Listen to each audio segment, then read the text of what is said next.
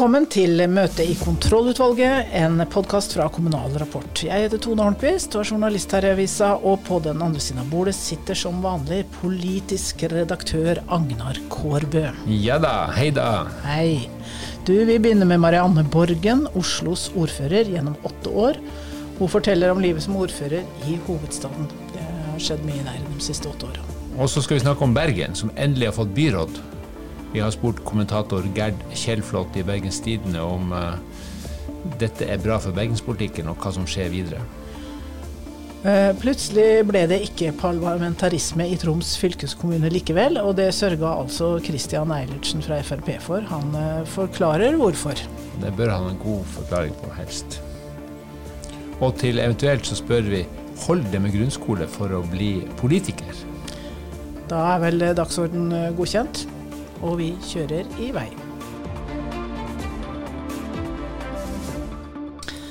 Vi har fått eh, Marianne Borgen i studio, nylig avgått Oslo-ordfører og nå pensjonist. Velkommen til oss, eh, Borgen. Tusen, tusen takk.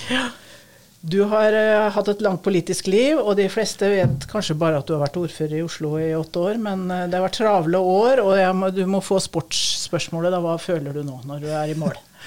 Det er veldig rart med en gang å plutselig fra å ha fulle kalendere til å plutselig ha mye tid. Eh, det er litt deilig også, men jeg innrømmer at det er en ganske stor overgang. Nå har jeg ikke vært det så mange dager ennå, da.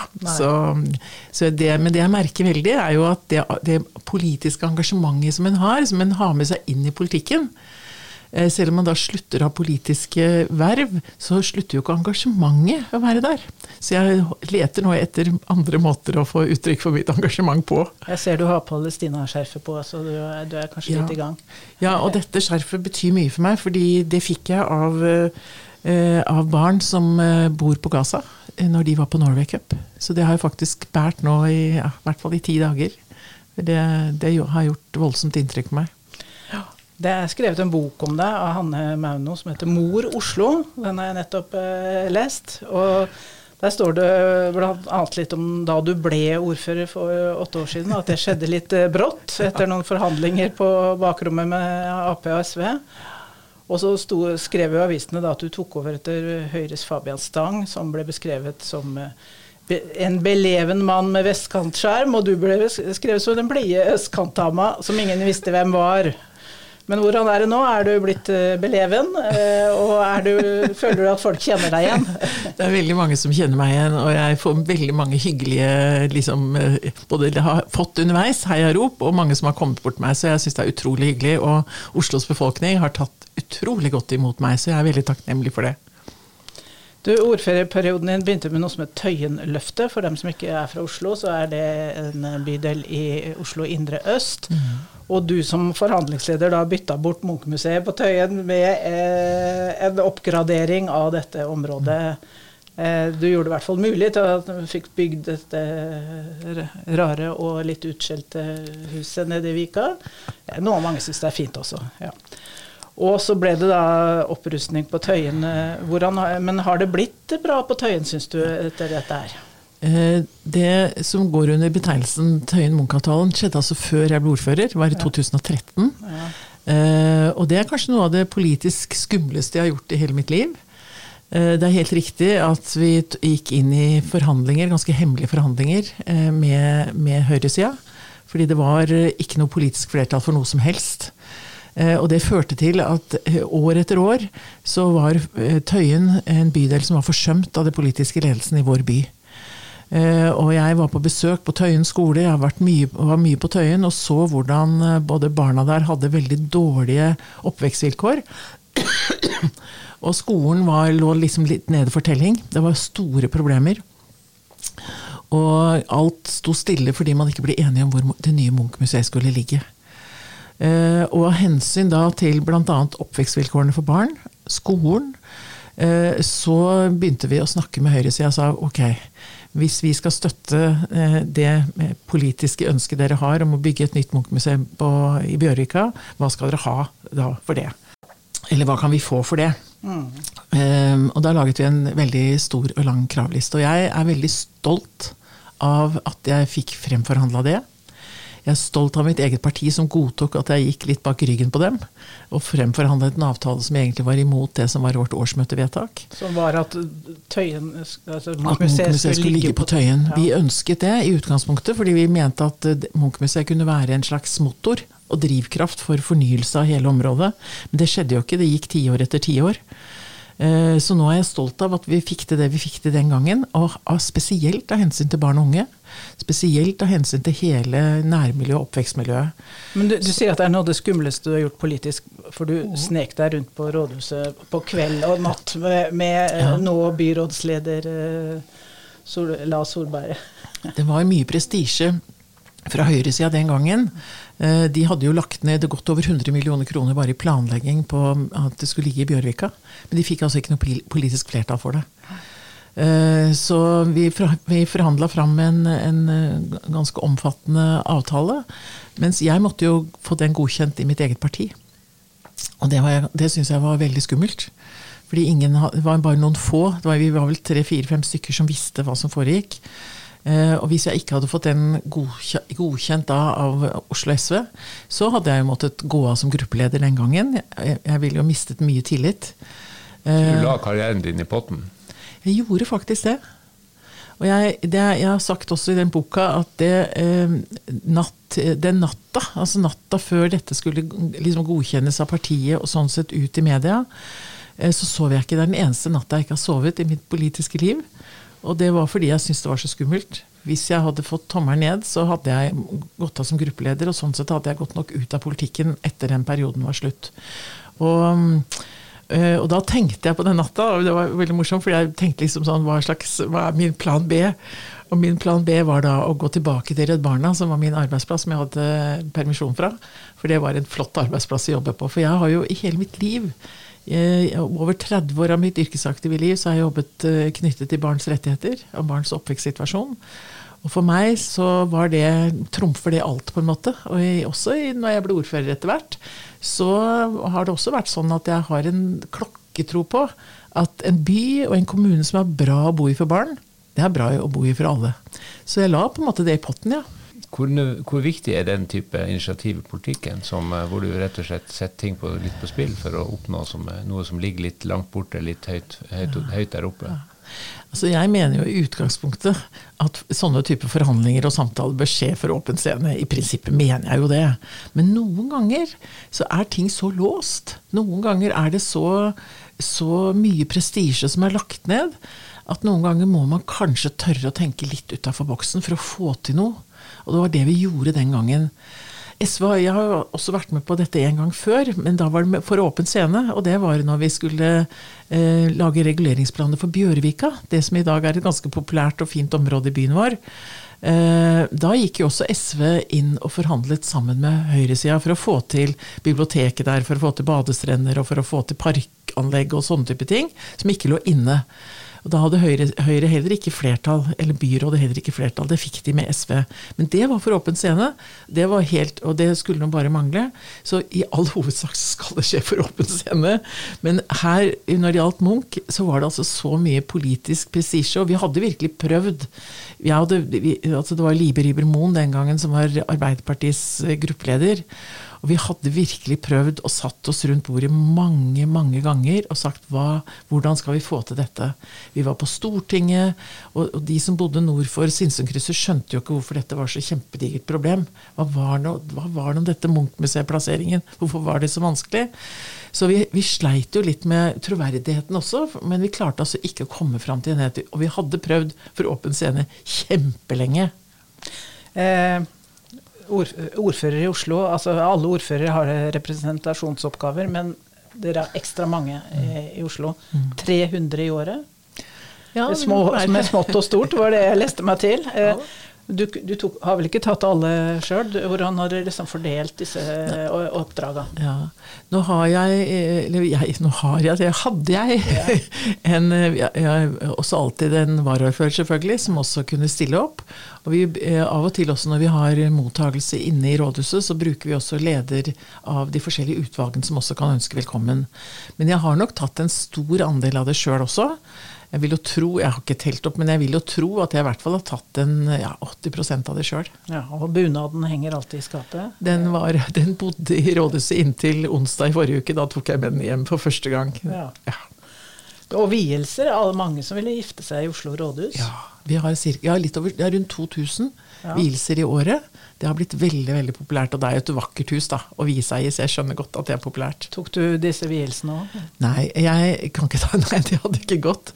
Men jeg syns det var utrolig hyggelig å eh, ta vielser innimellom. Så jeg var en del av en turnus. Vi har over 20 vigslere i Oslo, og jeg var en av de vigslene. Sånn at jeg var inne i den turnusen og prøvde å vie en gang i måneden. En fredag i måneden.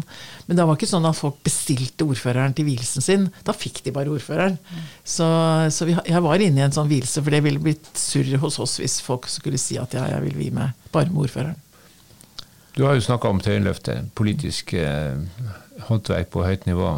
Var det nok politikk i ordførerrollen for en uh, utålmodig og engasjert sjel som det? Det er jo sånn at eh, når du blir ordfører, så har, er du jo valgt inn eh, som politiker i kommunestyret. Så, eh, så jeg er, er, jo, eller var og er, et, en politisk menneske.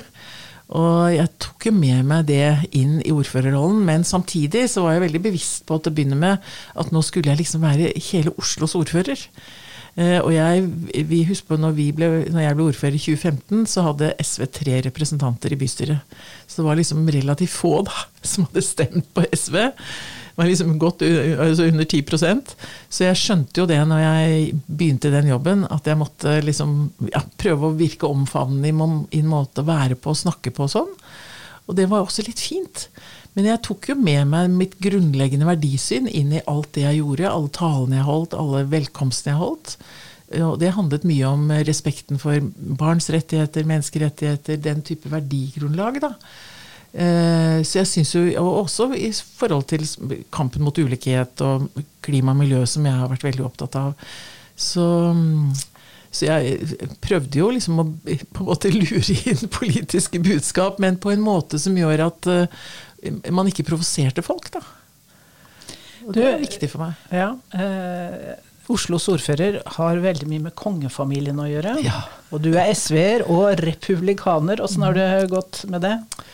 Jeg har blitt så glad i kongefamilien, og særlig i kongen. Han syns jeg er en fantastisk person.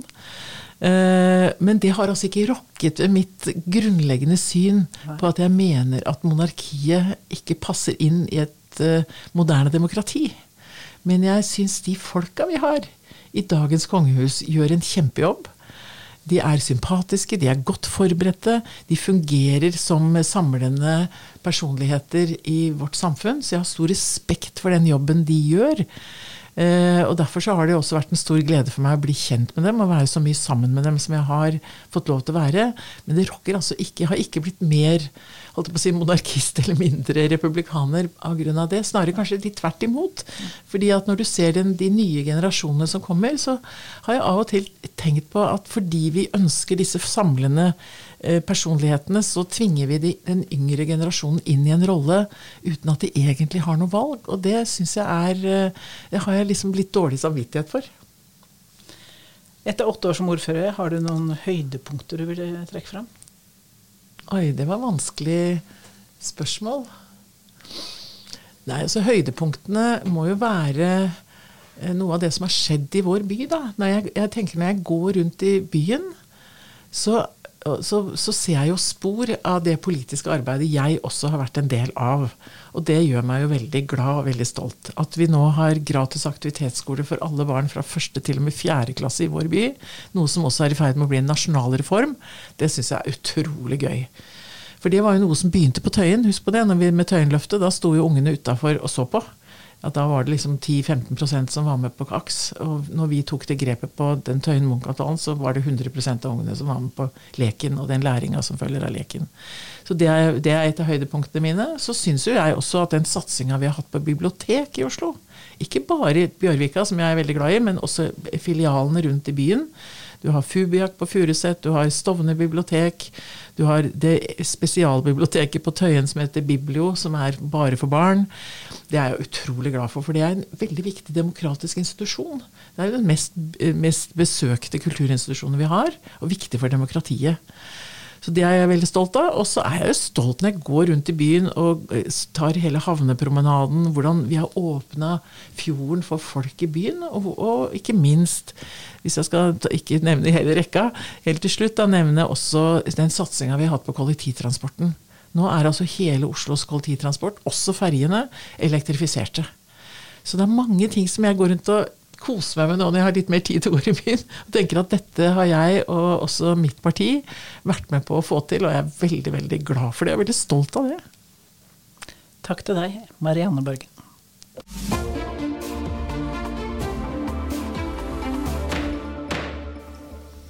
Det var kanskje noen som ikke trodde det, men nå har altså Bergen fått seg et nytt byråd. Et, er kommet på plass, og vi har rett og slett eh, slått et nummer til en eh, kompetent eh, kommentator i Bergensgryta. Gerd Margrethe Kjellflot, du jobber i Bergens Tidende og har fulgt byrådsforhandlingen tett. Hvor spennende var gårsdagen? Um, når alt er klart, så er jo mye av spenningen også over. Så det har vel kanskje vært, vært vel så spennende disse seks ukene opp til, og særlig de aller første. Da. Men, nå, men det var uh, interessant å se hvor de landa, hvor, hvordan plattformen ble, og i det hele tatt. Ja, Vi visste jo selvfølgelig at vi ville komme til et resultat innen noen mm. slags De har jo en frist, men det, hvor langt inne satt dette egentlig, å få på plass først et flertall i, i bystyret, og så et, uh, en byrådsplattform? Det var jo det første som var det aller vanskeligste. For valgresultatet i Bergen var jo ganske håpløst når det kom til å finne et flertall. Det var jo verken flertall på høyresida eller venstresida pga. Av disse protestpartiene som kom inn og fikk eh, mye større støtte enn hva som var venta.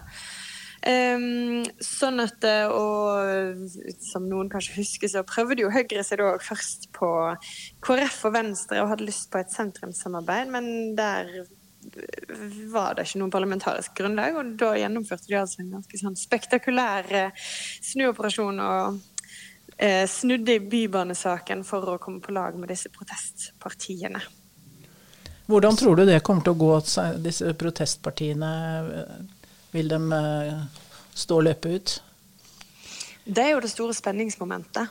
Og det vet òg Høyre at er den store risikoen. De ønsker jo i utgangspunktet ikke å gå den veien, nettopp pga. at det er høy risiko. Så har de da altså sikra seg en samarbeidsavtale som jeg tror jeg er blant de sjeldne. De har rett og slett fått, eh, fått disse samarbeidspartiene til å love å sikre flertall for eh, byrådets budsjett i fire år. Uten at de har sett noe. Det står jo riktignok at de skal få lov til å komme og forhandle, og sånt, men de har jo allerede signert på at uansett egentlig hvor det lander, så må de være for det.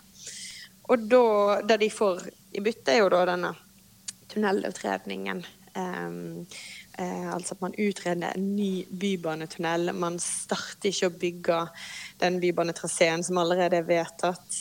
Eh, og så lenge, så lenge det ligger der, så tror jeg nok at, eh, at den samarbeidsavtalen vil holde. Men når den er lagt fram, når det blir en avklaring i den saken, så kan jo ting veldig fort ryke. Og så er det i tillegg, da må jeg bare si at vi vet jo at i, i ferske partier så er det jo raskere å få utmeldinger. Og dette det er et knapt flertall. Sånn at eh, eh, når noen melder seg ut, så blir det trøbbel. altså hvis noen gjør det. Så, så det som uh, Meyer gjør, med viten og vilje, med åpne øyne, går og legger ut på en ferdig etter meget vanskelig politisk landskap, ulendt terreng. Ja, men det hadde blitt vanskelig uansett. Mm, ja. Mm. Men og, hvor lang tid tar det å utrede denne tunnelen? Ja, det er jo Det bør jo helst ta ti år. det har tatt ganske lang tid uh, før. Nei, og, det, og, de ønsker seg jo en veldig detaljert utredning, og at det skal være et, eh, et godt sammenligningsgrunnlag. Og da, da, bruker jo å ta sin tid. Nå har de sagt at de skal legge det fram i løpet av 2025. Om de klarer å holde det, det de får gjøre som regjeringa. De får, eh, når de snakker om EUs fjerde energipakke, de får bare dytte det foran seg. For Ja. den dagen det kommer til behandling, så er der, der sliter de. Ja. Dette, eh, den byrådsplattformen som kom i går, hva er det som kjennetegner den? Um, ja, hva skal jeg si. Den er kanskje mest interessant egentlig på, på byutviklingsfeltet. Det er jo ofte det som er mest spennende i, en, eh, i bypolitikken. Um, og det er jo, for oss har det jo handla veldig masse om bybane da, i de siste elleve årene. Men det er jo også andre ting. Eh, det handler om boligbygging, og der Høyre er veldig opptatt av å få opp farten og vil eh, gå vekk fra den fortettingspolitikken som eh, i hvert fall har vært, vært der de siste åtte år, men som òg på en måte er den hva skal jeg si, moderne måten å tenke om en by. Ja, for det er jo den offisielle Eh, politikken. Hva sa du? Ja, det er jo den offisielle linja man skal bygge rundt kollektivknutepunkt. Ja, og da ønsker de seg vekk fra. Eh, rett og slett. De ønsker seg også vekk fra nullutslippsmålet eh, for, for personbiltrafikken. Nei, nullvekstmålet til et nullutslippsmål. Eh, beklager, jeg roter her. Men som jo vil si at de på en måte tenker jo kanskje at det ikke er så farlig at biltrafikken øker så lenge det er elbiler. Det er jo òg en stor omdreiing i byutviklingspolitikken som ja, vil i hvert fall ta Bergen i en ny retning, hvis det er sånn det blir.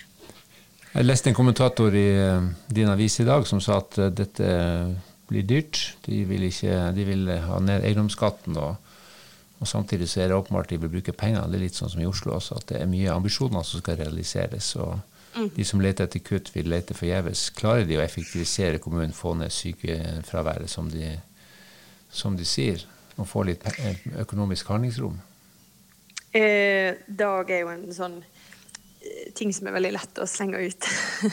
og som de fleste eh, i politisk styring sier at de skal få til. sant? Um, det kommer til å bli vanskelig, og det er helt sant. De ønsker seg eh, eh, de ønsker seg dyre ting som eh, kjøkken på sykehjem og, og mange forskjellige ting. Så vi vet jo at eh, altså, uansett om du hadde fjerna eiendomsskatten, så ville det blitt vanskelig. Fordi selvfølgelig, altså i Bergen, så eh, kommer det til å bli eh, behov for eh, enormt mye penger til eldre- og omsorgssektoren framover. Så dette skal bli dyrt, ja. Vi får følge med i Bergen også. Gerd Margrethe Kjellflot, takk skal du ha for at du var med.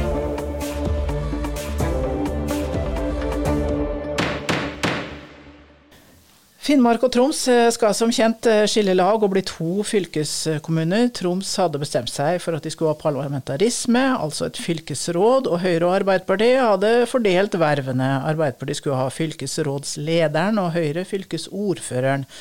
Men så kom altså FrPs eh, Christian August Eilertsen fra F og samla et flertall bak parlamenta eller mot parlamentarisme. Hvorfor det, Eilertsen?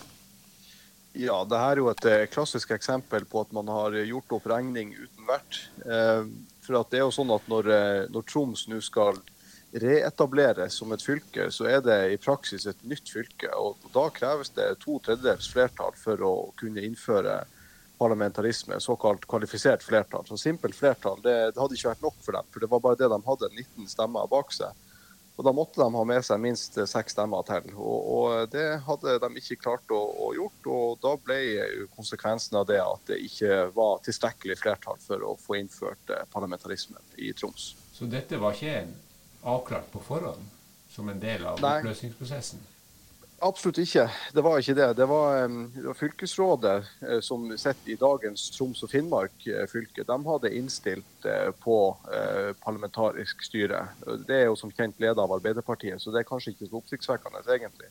Men de hadde ikke avklart den situasjonen i det nye fylkestinget i Troms. Og da hadde de bare 19 stemmer, og ikke da tilstrekkelig flertall for parlamentarisme. Ja, men eh, hva, hvorfor er det bedre med, med formannskapsmodell, syns du?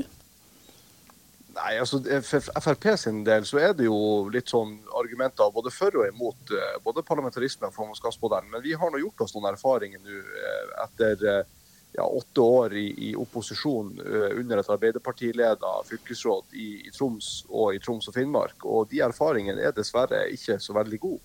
Vi opplever at vi er satt helt på sidelinja i alle prosesser, og vi opplever at når vi kommer til fylkestinget der sakene egentlig skal avgjøres, så er alt avgjort på forhånd, og vi får ikke muligheten til å flytte på et eneste komma eller sette inn et eneste nytt ord i, i vedtakene. Og Da har vi gjort en så enkel vurdering at vi tror at det vil være noe lettere for oss å få politisk gjennomslag i formannskapsmodellen kontra den parlamentariske modellen. For da vil vi være sikre at vi sitter ved bordet når eh, alle beslutningene tas, da spesielt i fylkesutvalget som nå er oppretta.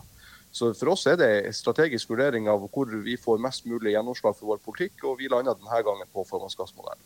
Men nå blir det jo vanskelig for organisasjonene organisasjonen å, plutselig skulle omstille seg, for de har vel innstilt seg veldig på dette her med parlamentarisme og fylkesråd?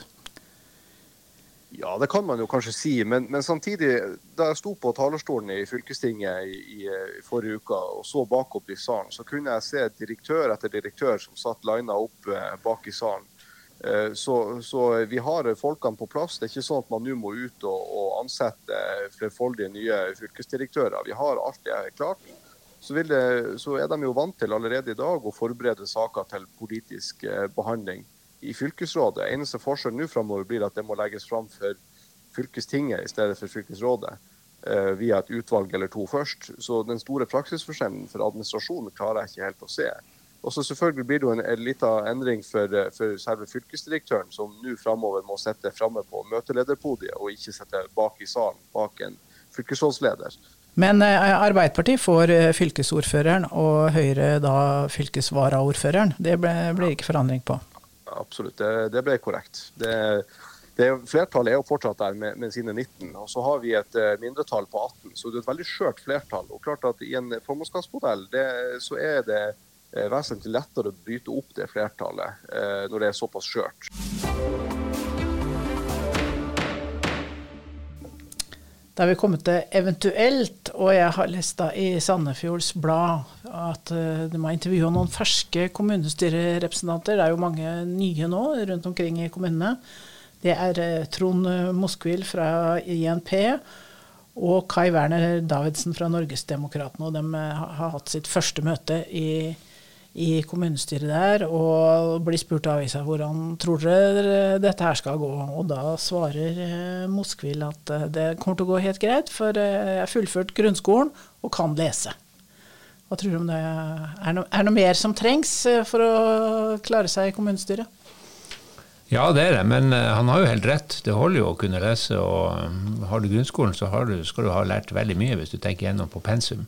Og så er det sånn, må huske på at Politikk er en profesjon som ikke stiller noen krav til forkunnskaper. Det er jo en, alltid en diskusjon om vi har eh, godt nok utdanna og flinke nok politikere, men du skal ikke kunne uh, stille krav om at du skal ha bachelor eller uh, master for å bli politiker. Det er jo litt av poenget, det er jo folkestyret. Jeg bare minner om ordene fra Trygve Bratteli da han satt som finansminister, at i dette departementet er det bare to jobber jeg kan ha, det er enten statsråd eller bud. Han hadde jo knapt utdanning, men han var jo en meget intellektuell og skolert mann til tross for at han ikke hadde noe faglig hadde gått på skole så veldig eh, mange år. Og så er det sånn at eh, den store politiske sosiologen Max Weber, som noen kanskje har lest om, hvis de har gått på universitet eller høyskole, han sier jo at eh, altså en politisk leder tar på seg en personlig oppgave fordi du stiller deg opp som en offentlig representant. Du blir valgt, så da må du stå til ansvar for det du gjør og for folket, på velgerne, på en annen måte enn hvis du er kommunedirektør eller direktør i en privat virksomhet. Og Så sier Weber at det er tre avgjørende kvaliteter for en politiker.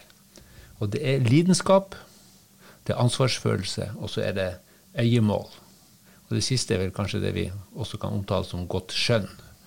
Og Vi som har sett politikere på nært hold, vet at de må brenne for noe. Og så må de ta ansvar for å finne fram til eh, løsninger, finne fram til eh, kompromisser og kanskje gå på, litt på bekostning av det de opprinnelig mente. Og så må de ha den litt sånn udefinerbare egenskapen som heter godt skjønn. Hva er det som er lurt akkurat nå? Hva er det som folk eh, vil finne seg i? Hva er det vi kan tørre å foreslå? Hva er det som, er det som situasjonen tilsier at hva slags løsninger vi skal gå for? Så eh, i tillegg til å ha grunnskole å kunne lese, så er det altså litt lidenskap. Og det har jo disse folkene fra INP. De vil jo slåss for Sandefjord, sier de. For det som er best for Sandefjord. Men det som er best for Sandefjord, kan bli alltid veldig omdiskutert. Så derfor må de ha litt ansvarsfølelse. Og så må de ha dette øyemålet, dette skjønnet til slutt. Og hvis de har de tingene på plass, så kommer de til å få fire flotte år i Sandefjord kommunestyre. Vi kan bare ønske dem lykke til. Ja, vi ønsker dem lykke til. Og så avrunder vi møtet her. Denne sendinga var laget av eh, Tone Holmquist og Agnar Korbe. Ansvarlig redaktør for Kommunal Rapport er Britt Sofie Hestvik. Vi høres.